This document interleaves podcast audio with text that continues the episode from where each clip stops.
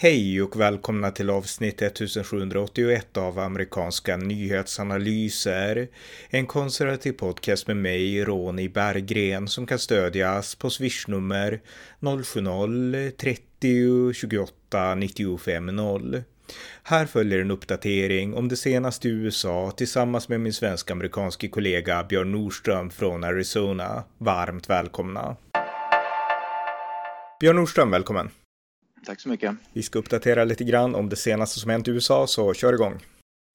Ja, Kamala Harris höll ett tal i Florida för ett par dagar sedan i samband med 50 års, det var 50-årsjubileum när Roe vs Wade gick i, liksom, äh, fick, gick, blev lag. Och i alla fall, hon, du vet i det här Declaration of Independence så finns det en rad där det står Life, Liberty and the Pursuit of Happiness hon, I sitt tal hon höll så citerade hon det, men hon utelämnade life. Hon bara sa liberty and pursuit of happiness. Mm. Med anledningen till att hon vill inte att liv ska kopplas ihop med foster, helt enkelt. Och det var väldigt, tycker jag, småaktigt att göra det. Men hon vill uppenbarligen inte värna om liv. Ja, så det var otroligt intressant. Det visste jag inte. Jag måste titta på det. Alltså, det är ju, jag håller på att läsa om, alltså jag har läst in den amerikanska självständighetsförklaringen ganska nyligen ja. till och med. Så jag menar, det är absurt, absurt. Jag måste titta på klippet. Ja. Jajamän. Uh, en grej till som har hänt och det här är ett oerhört, oerhört stort för problem för vänsterliberaler. Det var, uh, det var en, en person, en, en, ung svart man i, dels, i Memphis, Tennessee, som blev, uh, han blev dödad av polisen um, för några dagar sedan. Och det blev lite upplopp här och där och grejer i Tennessee nu i alla fall. Och, och eh, han, han, han, då, han skulle då arresteras för han körde som en galning på gatorna. Han skulle arresteras. Och han försökte smita och han började slåss och han liksom gjorde motstånd och allting. Hur som helst slutade det med att, att, att, han blev skadad och ett par dagar senare, tre dagar senare på sjukhus avled han. Och nu i alla fall är det, det var fem poliser som var inblandade där och alla nu ska nu ställas in, åtalas för mord på i alla fall killen. Eh, men problemet är att alla fem poliser är svarta och vänsterliberal media har haft väldigt, väldigt svårt att, vad ska man säga, frame det hela, att, liksom, att skapa ett narrativ när det var fem svarta poliser som eventuellt kan ha dödat en svart ung man. Så det har varit väldigt problematiskt för, för medierapporteringen har varit väldigt annorlunda än när vit, vita poliser gör det här. Och även responsen bland, vad ska man säga, bland aktivisterna har varit helt annorlunda med. Det vi ser är att allt beror på det är, inte, det är inte själva akten att det är en person som dödas av polisen som, som, som, som vänsterliberaler och aktivister bryr sig om, utan det är hudfärgen på poliserna som är det viktiga. Hade det här varit vita poliser hade det blivit, liksom, då hade hela Memphis brunnit ner, det hade blivit, liksom, allt och alla hade fördömt det. Men demokrater, media, allting, det har tystats ner ganska kraftigt, eller väldigt, väldigt kraftigt helt enkelt. Um, och det, så man ser skillnaden, att allt, hela utgångspunkten är inte vad som har skett, utan vilken hudfärg är det på poliserna. Mm. Ja, det visar verkligen att Black Lives Matter och liknande, det handlar bara om aktivism. Alltså det handlar om att det är rashat. Det handlar om att stämpla ja, vita. Det är liksom hat mot vita. Oh ja, det har, vi, det har vi konstaterat länge, men det här bekräftar just det. Mm. Och det är just det här som gör att det är så svårt för, för media att hantera just det här, därför att det är fem svarta poliser. Mm. Ja, mycket intressant. Ja, fortsätt något annat. Ja, Donald, Donald, Trump har nu blivit, han var ju avstängd från Facebook i två år, så han har i alla fall nu blivit äh, återinrättad, så han får ha sitt Facebook-konto nu i alla fall, återigen. Och uh, var det Adam Schiff tror jag det var. Um, jag tror Adam Schiff, en av alla de höga demokraterna, Adam Schiff om jag inte minns fel, gick i alla fall ut och sa att Donald Trump är tillbaka på Facebook så nu är hela den amerikanska demokratin hotad. Och det är typiskt vänsterliberala, de här demokraterna. Det är, det, är, det är det som gör att det är så hopplöst att vara en demokrat idag. Därför att Donald, Donald Trump får tillbaka sitt Facebook-konto, vänsterliberalerna går bananas över det. Och i princip nu är hela liksom demokratin, nu är vi på väg att bli, liksom USA på väg att bli fascistiskt och nazistiskt igen. Alltså det är helt mm. otroligt vilka, vilken, vilken överreaktion bara för att Trump får sitt konto igen. Eh, tvärtom, man borde ju hylla och säga att bra, Trump får sitt konto igen så att nu får han hålla på och bete sig lite hur han vill. Men det är bra för demokratin och yttrandefriheten i alla fall, för det är liksom det som det handlar om i grunden. Mm. Men eh, kommer han att återkoppla till det då? För han har väl inte börjat med Twitter än, trots att han är eh, tillbaka där? Nej, det har han inte gjort. Han har inte börjat med Twitter. Han kör på sitt social, så han har inte bestämt sig om han ska köra Twitter. Uh, och jag menar, så inte direkt så att han, han var inte speciellt aktiv i Facebook överhuvudtaget. Det var ju Twitter han var aktiv på, så fe, hans Facebook-konto, Trumps Facebook-konto var ganska inaktivt. Så, så det är liksom inte direkt så att han använde det som en, utan det var ju Twitter han körde mest på innan han blev avstängd där. Va? Men det är ju typiskt Demokraterna, de liksom överreagerar och sen så blir de hysteriska och så beter de sig som galningar och tror att det här kommer liksom hela världen rasa samman för att Trump får tillbaka ett, ett, ett Facebook-konto som han aldrig använde. Mm. Och på tal om Trump, ett bra förslag som han har gett på sin sajt och Truth Social, det är att han vill, vi har ju pratat mycket om, alltså du har pratat om vattnet i Arizona som köps ja. av Saudiarabien och jag har pratat om jordbruksmark i Georgia som köps av Kina. Ja. Och Trump har gett sig in i den här debatten och han har sagt att han vill nu verka för ett förbud mot kinesiska investeringar i jordbruksmark i USA. Och det är ju alldeles utmärkt att det, det tas på allvar. Och nu tycks det också finnas röster, alltså även från Demokraterna som är inne på samma spår. Så att, eh, men, men bra att Trump lyfter det verkligen. Ja, absolut. Problemet med Demokraterna, det är det här som gör att USA sätter sig, de målar in sig i ett hörn, man sätter, man liksom sitter, sätter sig själv i en rävsax de vill ju höja det här debt ceiling, det här eh, lånetaket nu väldigt kraftigt på grund av alla spenderingar som Demokraterna vill göra. Och de pengarna man lånade kommer ju direkt från Kina, så hur man än gör och vänder och vrider på det så är det Kina som, som, liksom man, får peng, som man får pengar ifrån. Oavsett om det är lån man måste ta för att göra alla de här spenderingarna som Demokraterna vill göra eller om det är Kina som då köper, köper mark, eh, liksom jordbruksmark i USA. Så på ett eller annat sätt så är det Kina pengarna kommer ifrån. Va? Så det, det, finns, det finns man måste attackera det här problemet på alla möjliga sätt nu. Uh, inklusive lön, lönetaket. Så att det är lite hyckleri av Demokraterna att säga å ena sidan att vi vill inte att kineserna ska komma in och köpa jordbruksmark och, och liksom, sen vänder de sig om och skriver på liksom ett avtal med Kina och lånar en och en halv eh, triljoner dollar. Mm. Det, liksom, det, det, det spelar ingen roll längre. Nej, nej, alltså det, det är i viss mån ett annat ämne, men alltså absolut, alltså det är ett problem som, som USA har och framförallt Demokraterna, just den här enorma skulden, så är det ju. Eh, ja. ja, fortsätt på tal om Adam Schiff, han i alla fall kommer att utmana Dianne Feinstein från Kalifornien om senatplatsen 2024. Dianne Feinstein tror jag, hon jag tror hon är typ 250 år gammal och sådär. Men i alla fall, hon, det är liksom det, hon är en gammal räv där. Men hon kommer i alla fall göra, hon vill bli omvald till senatsplatsen. Men Adam Schiff kommer att utmana henne för den, för att han har sagt, Adam Schiff, han är ju stollig alltså. Han har ju då sagt att han måste, för att amerikanska demokratin ska kunna räddas så måste han nu in i senaten därför att demokratin under republikanerna är så hotad att om inte han kommer in i senaten så kommer liksom USA rasa ihop. Så att det är liksom det, det är det han hotar med nu. Mm. Det är helt otroligt. Adam Schiff är ju en galning, alltså han är ju totalitär ja. på sitt sätt. Jag menar, Diane Feinstein, hon är virrig och snurrig, men hon är ju liksom, ja. hon är bättre än han. Så att jag, jag hoppas ju att hon vinner även om hon är 96 och typ, ja, inte så klar i huvudet kanske. Mm. Och på tal om Adam Schiff, uh, Mike Pompeo, uh, Donald Trumps då före detta utrikesminister, har, gett fullt stöd till Kevin McCarthy angående McCarthys avstängning av Adam Schiff från kommittéer, från de här viktiga kommittéerna. Mike Pompeo sa rakt ut att Adam Schiff är, har ljugit så mycket att han är direkt hot mot amerikanska säkerhet, nationell säkerhet, därför att han ljuger så himla mycket inför det amerikanska folket. Mm. Ja, eh, och det är sant, det gör han. Mm. Jajamän. Ja, något mer? Um, ja, den nya utbildningsministern här i Arizona, det, det liksom för, då, för grundskolan och gymnasieskolorna. Så det var en, som vi vet, nu, det är Katie Hubbs, är demokrat, hon blev, det är ganska intressant, de här positionerna flippades. Den förra guvernören i Arizona var um, republikan, den nya är demokrat. Den förra uh, vad heter det, Ut, skolministern, utbildningsministern här i Arizona var demokrat, den nya är republikan, så de rollerna har liksom flippat. Och den nya utbildningsministern i alla fall, det var någon, någon utbildningskonferens, skolkonferens här i alla fall med massa talare som skulle tala. Men det var, och det, var flera av de talarna då skulle vara sådana här woke-talare, de skulle tala om, då, om, om kön och om liksom alla det här woke-köret helt enkelt. Va? Mm. Men utbildningsministern i alla fall satte stopp. Alla, ta, alla talare som, som, som, skulle hålla tal under konferensen var de, endast de talarna nu som, som, hade, som skulle prata om utbildning talare som var inbjudna från början för de här konferenserna, då har ju då, man schemalägger ju då konferenser flera månader i förväg. med den tidigare utbildningsministern, men liksom den här transitionen, den skedde just nu i alla fall. Så att alla talare som, som, var, som hade woke-ämnen, de blev avstängda, de fick inte tala. Utan det här, han sa rakt ut att våra skolkonferenser ska handla om skolor och om utbildning, inte om, eh, om aktivism. Mm. Mycket bra, mycket bra.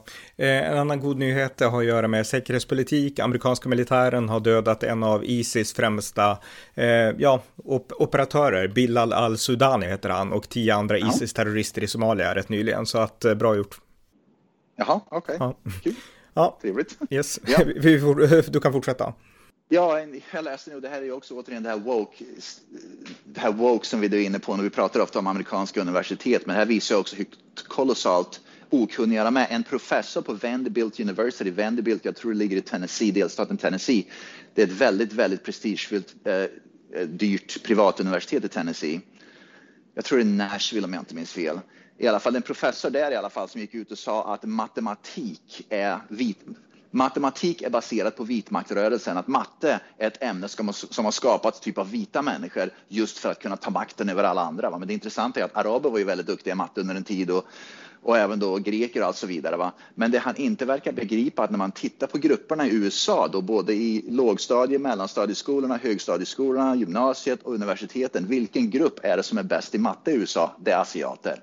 Men så att egentligen, om man borde göra någonting så är det att säga att att, uh, att matte är liksom asiatmaktsrörelse, inte vitmaktrörelse. Så det visar också att nummer ett, de har ingen begrepp om, om, om liksom vilken grupp det är bäst, som, som är bäst i just matte här i USA vad gäller alla åldersgrupper. Utan jag tror att det handlar bara om att försöka hitta sätt att gå efter vita människor. Mm. För om man hade sagt om, om, om, asiater, då hade man kunnat eventuellt då bli anklagad för att vara rasist mot asiater ungefär, även om det är där som liksom man borde gå efter. Om man ska gå efter matte, då är det asiater man ska gå efter. Men det visar ju också att, att att de här aktivisterna, woke-rörelsen, liksom, deras enda intresse, de har inget intresse av att, att, prata om fakta, utan de vill bara gå efter vita män, mm. heterosexuella vita män. Det är liksom allt de är ute efter. Mm, ja. Eh, ja, något mer? Ja. Uh, vad var det? Uh, kolla här. Ja, just ja. Uh, delstaten San Diego, eller delstaten vad jag säger, uh, staden San Diego, delstaten Kalifornien nu i alla fall, de ska höja, uh, de ska införa vad heter, det heter, här i USA heter det toll roads, med andra ord, man betalar tull, en, liksom, tull, tull, tull, ja, tullvägar. Va? Så um, när man åker på motorvägarna i San Diego så är det gratis, men nu ska de införa tullvägar. Målet är att man ska göra bilkörning så dyrt i San Diego att man ska avskräcka människor från att överhuvudtaget köra bil i mm. syfte att kunna investera allting, en massa pengar i, i offentlig sån här public transportation istället. Så man gör allting i Kalifornien för att göra, för att göra liksom bilkörning och allt sånt där mycket dyrare. Va? Och då tror man ju då att det de inte begriper är att människor som ogillar det, de flyttar till Arizona istället. Mm. Så att de tappar, de, de människorna med resurser, de flyttar, de liksom flyr delstaten. Det är precis det vi har sett. Kalifornien tappar ju typ 300 000 människor förra året. Så att de, de, de som blir kvar är de människorna som inte har resurser att, betala, att, liksom, att flytta och de har inte heller resurser att betala någon högre skatt heller. Nej, nej, nej visst. Nej, just det, det alltså vi har ju sådana här bilskatter i Sverige också, alltså trängselskatt och sådana saker och åker man till Norge så är det ju liksom, ja, skatter på alla möjliga vägar liksom man får betala, eller tullar som de kallar det. Så att, men, men alltså, eh, ja, det är ogenomtänkt när det gäller att man tror att man ska skydda miljön på det sättet. Ja, en annan galenskap, det här med woke, delstaten Washington, de har i alla fall Uh, jag menar, vi pratar om det här ofta, att biologiska män och biologiska kvinnor, det finns ju fysiska skillnader där. Alltså. Och det finns, jag vet inte riktigt vad det här är, men den cervix, det är väl någonting som, det kvinnor har någonting, jag vet inte vad det heter på svenska eller talat, men det finns ett, ett, ett organ för ja, kvinnor som heter mm, mm. cervix. Jag tror det har med att föda barn att göra, så jag är inte riktigt säker på det. Men i alla fall, hälsodepartementet i delstaten Washington har nu raderat bort att det är kvinnor som har cervix i, i, i delstaten Washington. Det kan även vara män som har en cervix i delstaten Washington, vilket naturligtvis är helt omöjligt. Men, men det är det här med att liksom, män kan ha mens, typ så här. Va? Och Washington som vi vet är en vänsterliberal delstat som, uh, som, som är ganska extrema vad gäller uh, just sådana saker. Livmoderhalsen googlade jag på cervix. Det, okay, okay, ja, okay. Så heter det på svenska. Mm. Okay. Ja. En annan rolig sak, Josh Howley, han är då, Josh Howley, han är senator från, vilken delstat är det nu då? Han är ung kille. Ja, yngre Tennessee, än, är det Tennessee kanske till och med? Nej, det är, är det. det Tennessee nej. eller Kentucky, det är en av delstaterna ja. där uppe i alla fall. Missouri kanske. I alla fall, han har introducerat en motion nu i, i, um, i senaten som man kallar för Pelosi Act. Du vet att Nancy Pelosi, hon gjorde massa wheeling and dealing och köpte massa aktier Eh, och som hon sen sålde och tjänade massa pengar på. Det var förmodligen inside trading och allt sånt där. Så hon har varit, höll på med rätt mycket skumma affärer med aktie, aktieköp, aktieinnehav och sen sålt dem och tjänat massa pengar. Han har i alla fall introducerat nu något som man kallar för Pelosi Act, vilket skulle förbjuda um, men, eh, personer då i kongressen, i senaten och i representanthuset från att när, om, när de tjänar sin tid då, i, i kongressen så ska de inte kunna få köpa aktier och sälja aktier. Utan mm. just för att det är Nancy Pelosi som har utnyttjat det ganska flitigt. Eh, hennes make, tror jag, Paul Pelosi, var väldigt, väldigt duktig på att köpa. De, de, tjänar, de har tjänat mångmiljonbelopp på aktier under Nancy Pelosis tid som, eh, i kongressen. Mm. Hon, hon, gjorde en intervju där hon sa att hon inte var så rik, alltså ganska nyligen, för in, innan hon liksom... Hon är dollar. hon är dollarmiljonär. ja, ja. ja, ja. Eh, något mer? Ja, en, en professor på University of Alabama i, i Alabama. Han är av polskt ursprung. Han, fick sin, han, är, han, han är en professor, en doktor. Um, och han i alla fall har just sagt upp sig från University of Alabama. Och om jag fattar det rätt så ska han flytta tillbaka till Polen. Han har rakt ut sagt att det här woke håller på att förstöra amerikanska universitet så mycket så han vill inte längre vara professor i USA. Han sa jag flyttar tillbaka till Polen nu. Mm. Därför att det, liksom, det, går, det går inte liksom arbeta som professor i USA längre på grund av det här woke och cancer culture och allt sånt där. Mm. Ja. Eh, ja. Okej, okay, något mer? Ja, du vet i delstaten Georgia, i Atlanta, så var det ju massa upplopp för någon vecka sedan drygt. En eller två veckor sedan var det nu var efter det var någon svart kille som blev dödad av polis om jag inte minns fel i alla fall. Så blev det upplopp. Vi har pratat om det i en mm. tidigare podd. I alla fall Stacey Abrams, hennes eh, rådgivare gick ut och sa att, eh, att bränna polisbilar och slå sönder fönster och i princip bränna upp halva Atlanta är inte, ska inte tolkas som våld. Det är inte våldsamma händelser, utan det är, det är icke-vålds, det är icke-våldsprotester de gjorde när de bränner upp bilar och, och liksom slår sönder hus. Mm. Så det är tolkningen av i alla fall icke-våld. Ja. Intressant. ja, verkligen. Så då undrar man ju det om till exempel Ku Klux Klan skulle gå ut och, i Atlanta och bränna bilar och, och slå sönder fönster och liksom gå bärsärka igång. Hade de också skyddat det med icke-våld?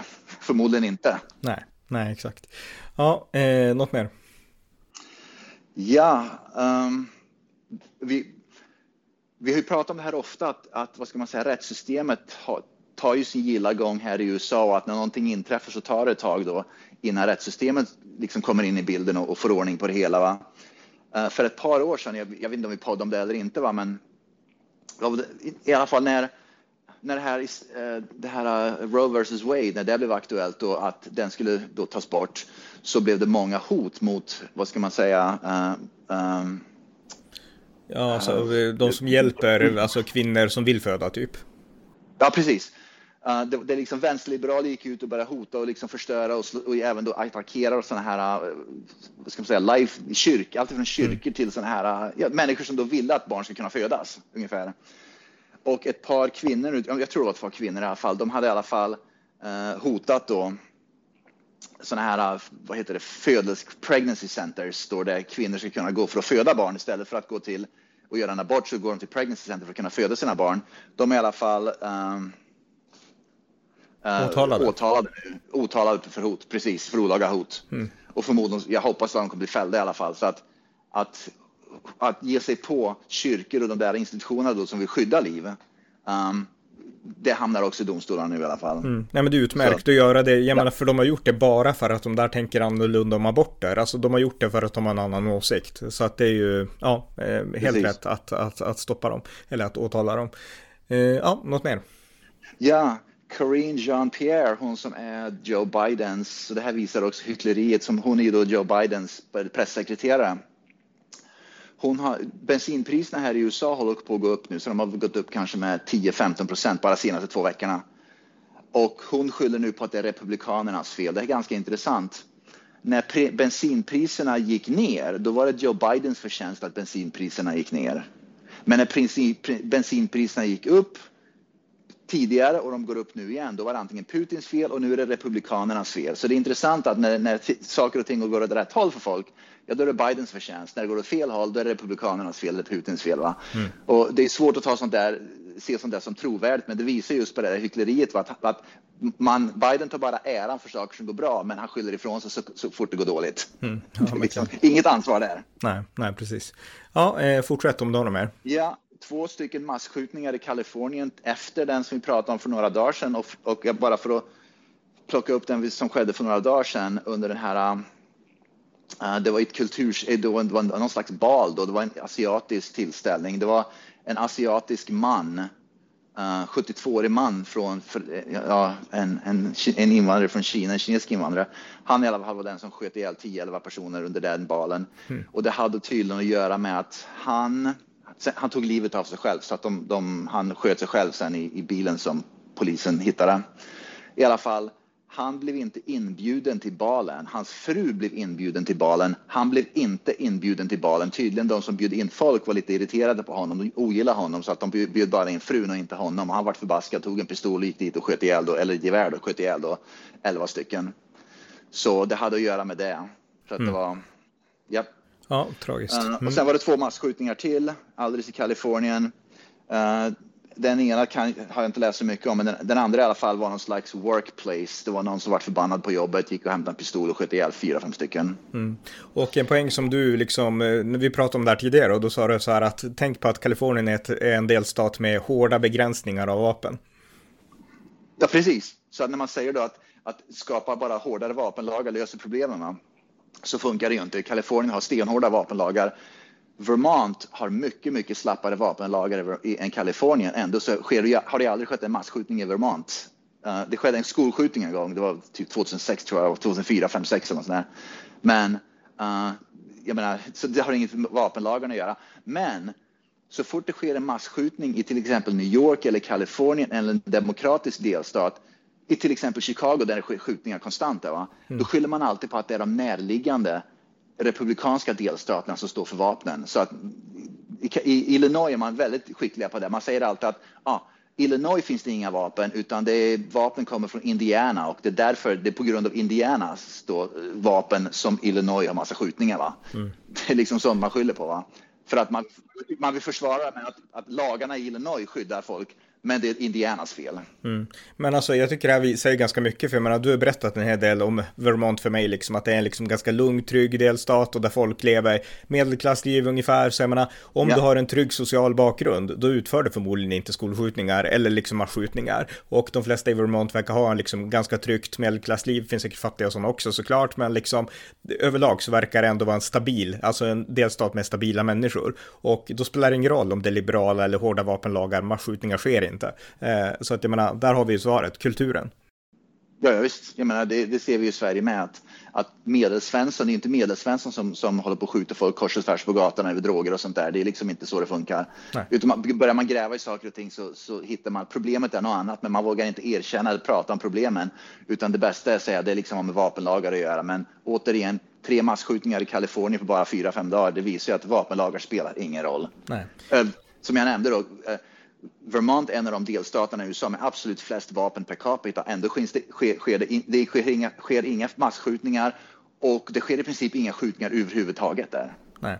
Även om då det är liksom var och varannan person, alla mina vänner i Vermont har ju vapen, de, har, de har massor av vapen. Liksom. Jag har vänner i Vermont som har då liksom dussintals vapen i huset. Mm. De skjuter, och det är liksom normalt, det är liksom normalt, men det är liksom, folk skjuter ju inte varandra. Nej, nej, exakt. Jag menar, nej men ta, vi har pratat om det förut, men ta alla jägare som finns i liksom hela västra Sverige och i Norrland och ja. så här. Jag menar, de skjuter inte varandra, de går inte ut och skjuter folk, utan skjutningarna vi läser om nu, det är liksom, ja. Eh, det är gängmiljöerna helt enkelt.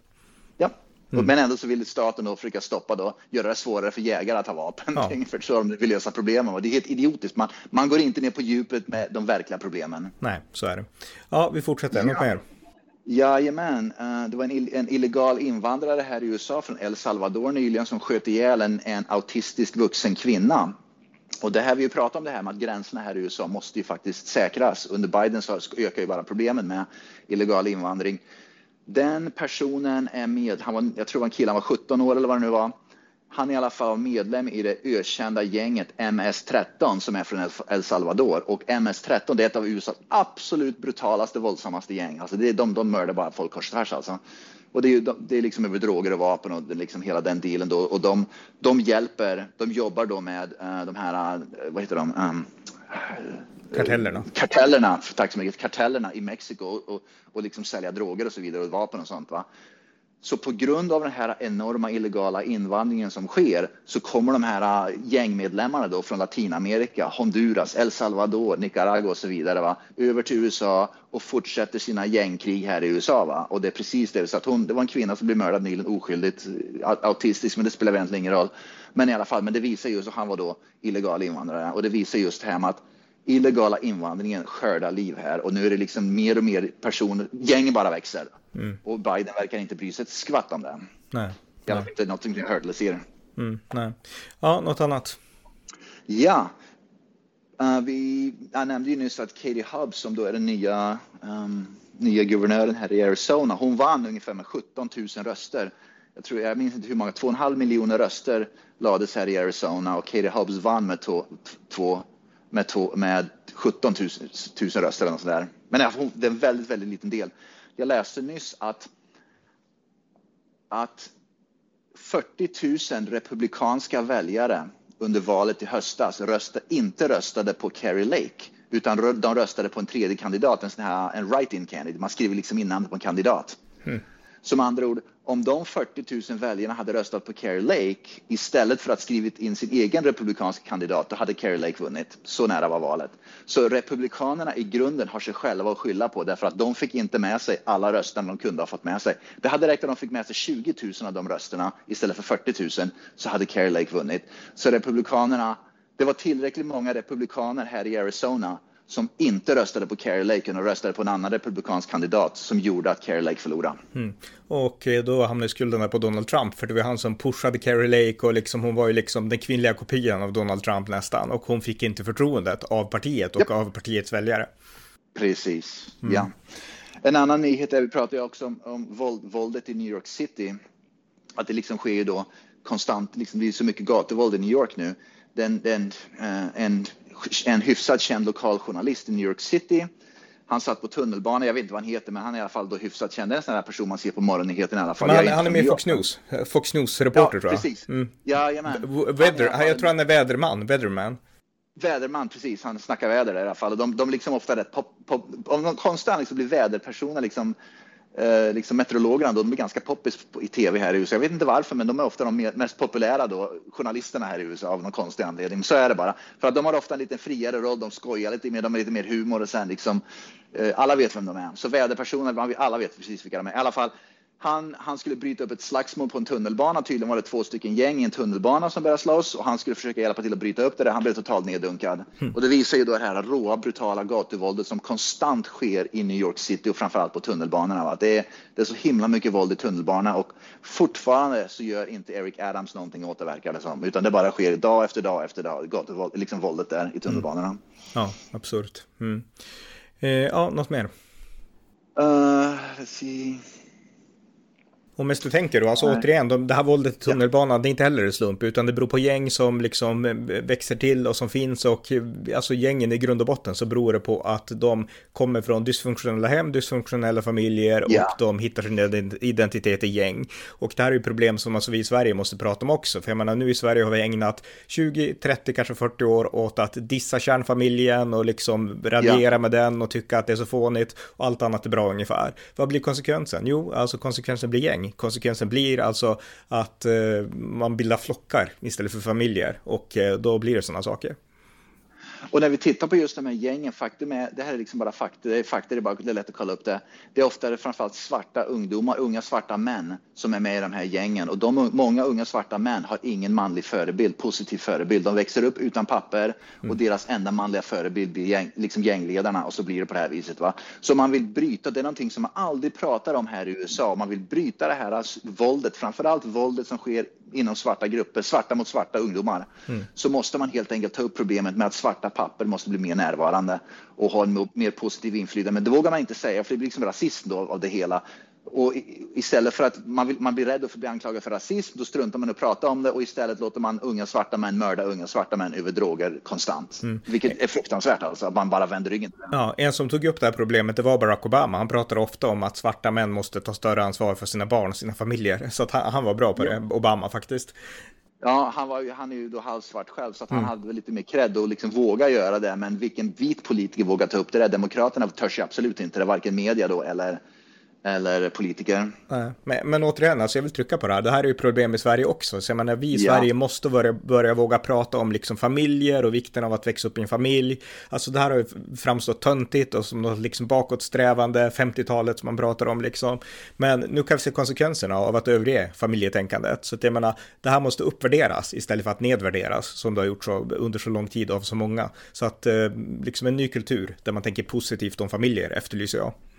Precis, och det är därför jag undrar hur, hur är situationen bland unga män som hamnar i gäng i Sverige? Liksom, och ofta är det då invandrare, unga invandrarkillar som hamnar i, i gäng då. De blir bara yngre och yngre. Va? Mm. Hur är papporna? Är papporna frånvarande? Bryr sig papporna inte om det? Hur liksom fungerar det? Hur fungerar den relationen mellan pappa och barn? Hur liksom är det där? Jag tror man måste börja verkligen, verkligen granska det i Sverige, för det, kom, det är på väg att bli precis som i USA. Vi vet ju problemen när det väl har liksom rotat sig och blivit, då blir det permanent. Så är det bara. Det går mm. inte att stoppa nu längre. Det är liksom bara det som det är. Det bara går, man kan bara nu reagera på, på liksom då symptomen, liksom att sätta folk i fängelse eller arrestera folk. Va? Mm. Men hur är det i Sverige med? Jag tror man måste börja ta tag i det där med att kolla upp med de här invandrarpapporna då. Bryr man sig inte om sina pojkar? Liksom vart, vart, vad är problemen där i Sverige? Är det liksom liknande, är roten till problemen liknande som i Sverige, eller som i USA? Ja, de, de är... Invandrarpappor bara skiter i ungarna. Ja, det är värre i Sverige. För jag menar, i Sverige har vi ett somaliskt community inte minst, där det är så här att ja. mammorna har typ nio barn, ofta har de många olika papper. Papporna kan resa runt i Europa. Jaha, jag har ju pratat okay. med den här Mona Walter, den här somaliskan som Jaha, har blivit kristen. Okay. Och hon berättade, alltså i det somaliska, kommun, alltså det somaliska communityt är så, sa hon. Och även i Sverige, alltså en mamma har jättemånga barn, pojkar och så här. Och de har ingen, de har ingen manlig förebild alls, utan de har mamman som ska ta hand om hela flocken. Och sen så har mamman sin uppgift att hon ska gifta bort dem. Och eh, de får en identitetskris, de har inga manliga förebilder alls och de bildar gäng. Alltså det är liksom, det är glasklart. Så jag menar, i Sverige är det värre än i USA. För i USA är det liksom bara vanliga kärnfamiljer som inte funkar och pappan har dragit ungefär. Medan det som yeah. händer i Sverige, det är betydligt värre i liksom vissa communities. Och sen så blir det också så att jag menar, i de här miljöerna, där saknas det också förmodligen manliga förebilder. Alltså när de är ute med sina gäng liksom, så saknas det vuxna och så. Så att det här är ett enormt problem och speciellt papperna, där tror jag att det är viktigast. Mödrar, de finns alltid på ett sätt i, i bakgrunden i människors liv, men papperna kan verkligen försvinna. Och det här är ett problem som vi i Sverige helt ignorerar, för vi tror knappt att papper och mammor finns ungefär, eller att det betyder något. Så att... Eh, Precis, ja, ja, då vet vi vad problemet är i alla fall. Mm. Men att så länge man inte tar tag i grundproblemet så kommer problemet att växa och kvarstå. Mm. Så det är liksom, då får man skylla sig själv om man inte vågar. Och som vi, vi pratar om, att papporna blir så, i Sverige framförallt blir så att dissade, att liksom, det betyder ju ingenting. Man förstår inte vikten i papper när det gäller att vara närvarande och en positiv förebild för unga pojkar och unga män när de växer upp. Man, jag tror inte man begriper det, Nej. utan man tror att feminismen löser allt. Och det är lite grann här är problemet också i USA, att man vågar liksom inte prata om att papporna har faktiskt en jäkligt viktig roll, framförallt inom den Afrika, liksom svarta community här i USA. Men det törs man liksom inte heller prata om, utan man, man, man skyller på allt och annat utom att granska problemet och se vad kan vi göra för att ändra grundproblemet och så bara blir det som det blir. I alla fall, då hamnar de unga killar i gäng Eh, på tunnelbanorna som dunkar ner en, en väderman. Mm. Men, men sen en sak till också, jag menar familjen är under attack i Sverige skulle jag säga. Jag menar föräldrar idag, de får knappt veta någonting, alltså om de har barn som är liksom går till psykvård och liknande saker så får föräldrarna knappt veta vad de pratar om, alltså sådana saker, vilka mediciner de får, alltså allt det här, även från när de är väldigt små, alltså inte när de är 18, det är ju en sak liksom, men även när de är tonåringar, kanske 13 och så vidare, så är det liksom en mur mellan barnen och föräldrarna, utan då ska staten och myndigheterna kunna komma in som en barriär emellan liksom. Och det gör också att det blir mycket svårare att vara förälder, att uppfostra, att vara föredömande och det som historiskt är, har liksom varit verktyget för att forma stabila individer. Det försvinner och istället blir det en myndighetsperson eller en myndighet eller liksom staten som ska göra det. Så är det i Sverige, jag vet inte hur det är i USA där, men jag har hört om liksom det här med, ja men som du har berättat om, när ungdomar vill byta kön, att föräldrarna får inte veta ja. så. Så det, det finns och, väl i USA också. Absolut, men det, skillnaden på republikanska och demokratiska delstater här är att demokraterna i många demokratiska delstater, vänsterliberala delstater, då vill man göra som i Sverige. Man ska med andra ord man ska bygga en mur mellan myndigheter och föräldrar, att barnen ska kunna byta kön, göra si eller så, allt utan att föräldrarna ska ha någon rättighet. Även om den tioårig unge va, så ska föräldrarna inte ha rättighet att veta vad som pågår. I republikanska delstater stiftar man lagar istället där föräldrarna fram till barnet fyller 18 ska ha juridisk rättighet att veta precis vad som pågår. Och det är en enormt stor skillnad mellan de två partierna och mellan lägren här i USA, konservativa gentemot liberala, liberala då delstater. Så när man då har en familj, då måste man också börja fundera på det. Ska man flytta till en delstat som har en annan inställning till, till den frågan? Va? Så att det är just det som gör att den politiska migrationen inom USA börjar, det, det är liksom därför folk flyttar nu. Som vi nämnde förut, det, folk som flyttade från New York för 10-20 år sedan till Florida, de flyttade till Florida för vädret folk som flyttat från New York till Florida nu, de flyttar för polit av politiska skäl. Så mm. att, ah, liksom, motivationen för att byta delstat har skiftat sig från väder och vind till politiska och ideologiska eh, inställningar och attityder. Mm, ja, ja, det här är mycket intressant. Alltså man skulle kunna prata hur länge som helst om det här, men vi, vi fortsätter. Mm. Ja, Ehm, ett skoldistrikt i delstaten Kalifornien har i alla fall nu beslutat, eller i alla fall vill besluta att vita människor ska inte, från, vita människor ska inte få påverka hur, uh, hur läroplaner i skolan ska se ut för det skoldistriktet, för den kommunen, utan det ska bara vara icke-vita som styr läroplanen. Snacka om diskrimination och rasism. Naturligtvis kommer inte det gå igenom, men att överhuvudtaget diskuteras att hudfärg ska avgöra om du får vara med och, och diskutera hur läroplanerna ska se ut. Mm. Uh, bara det, det är otroligt alltså. Och det, det visar också här att man gör allt för att splittra då vita mot resten, vi mot dem. Ja. Eh, och på tal om det, men alltså, det, var inne, det vi var inne på tidigare, alltså det här med liksom alltså att man ska separera familjerna från, eller föräldrarna från sina barn genom att myndigheterna ska komma som en mur emellan. Alltså i många avseenden, jag menar, här har vi en kulturkrock. Ta de här äh, somaliska mammorna jag berättade om och allt det här som finns med liksom hederskultur och sånt. Jag menar, i sådana fall kanske det är bra att staten kommer in och skyddar barnen från liksom sina föräldrar som begår övergrepp i islams namn eller sådär. Men jag menar, för vanliga föräldrar med svenska värderingar eller amerikanska yeah. värderingar, då behövs det inte. Så jag menar, problemets orsak här, det är att vi har en kulturkrock mitt inne i vårt eget land liksom. Och då kan man inte bara börja behandla alla lika på samma sätt liksom. Det är likadant med vapenfrågan. Bara för att det finns gängskjutningar så ska vi inte kunna förbjuda jägare från att ha vapen liksom. Så jag menar, det är de här distinktionerna som jag tycker västvärlden inte gör längre, utan nu ska allt behandlas likadant. Och om det är något problem som vi själva importerat, då ska alla behandlas utifrån lösningen på det problemet liksom. Ja, det är precis samma med friskolorna. Att istället för att säga att de muslimska friskolorna utgör ett stort problem, de kristna utgör inte samma problem. Mm. Istället för att och liksom prata om de skillnaderna på de friskolorna, då ska man säga att vi förbjuder friskolor, det löser alla problem. Va? Det är mm. så jäkla fegt. Och då har man importerat ett problem som man sen måste sätta stopp för andra saker som har fungerat i årtionden, århundraden för att försöka stoppa det importerade problemet. Det, det, det är så idiotiskt och det är så fegt. Ja. ja. det är bra att vi lyfter fram sånt här i podden, för de flesta svenskar får aldrig höra det här i liksom svensk media, så att mycket bra. Ja, ja. Vi, vi, fortsätter. Har, har, du något mer? En sak till, en sak till. Det finns en Fox News-reporter, han är en svart kille, kanonbra. Han heter uh, Gianna Caldwell. Han är en svart reporter i alla fall. Han var på, han, är, han bor i New York då, antar jag, för han jobbar då på Fox i New York. Han i alla fall blev utslängd från en restaurang i New York därför att han hade fel värderingar. Så att det, det visar ju då på det här att man blir utkastad från en restaurang när man går och äter bara för att man, man, har, man har fel åsikter. Va? Um, han själv tog inte upp, han hade ju kunnat göra det till en, till en grej som att det här var rasism och kasta ut med grund av sin hudfärg. Om det här hade varit en och det här togs inte upp i, i vänsterliberal media i princip överhuvudtaget. Va? Det var inte ens en notis där. Va? Mm. Men om det här hade varit en svart CNN-reporter som blev utkastad från en restaurang på grund av att det var en liberal, uh, han hade liberala åsikter, då hade det genast kommit upp som att det här är en rasistisk restaurang och de hade hängts ut och förmodligen behövt tvingas stänga för att de var rasister mot den här. Nu när det är en svart kille som är, som är konservativ vänsterliberal media brydde sig överhuvudtaget inte om det här. Nej. Utan då liksom, det, det är liksom helt okej. Okay. Ja, tänk om Don Lemon hade blivit utslängd från en grillbar i, liksom, på en rodeo i Texas liksom. då hade det varit homofobi och rasism så det bara dåna om det, för han är homosexuell då. Det hade det. det absolut varit. Återigen vi belyser det här att vänsterliberal media, om det är oss, då är det okej okay att göra på ett visst vis, men när det gäller dem, då ska det ske på ett helt annat vis. Mm. Även om det är precis samma sak. Och, och, och det, är det, det, är det som jag tycker det hyckleriet som jag är så trött på. Mm, verkligen. Ja, eh, jag har inget ja. mer alls. Har du mer? Inte jag heller. Nej, okej. Okay. Tack så mycket. Tack så mycket.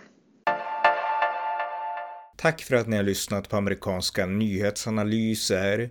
En konservativ podcast om amerikansk politik som kan stödjas på swishnummer 90 28 95 0 eller via hemsidan usapool.blogspot.com via Paypal, Patreon eller bankkonto.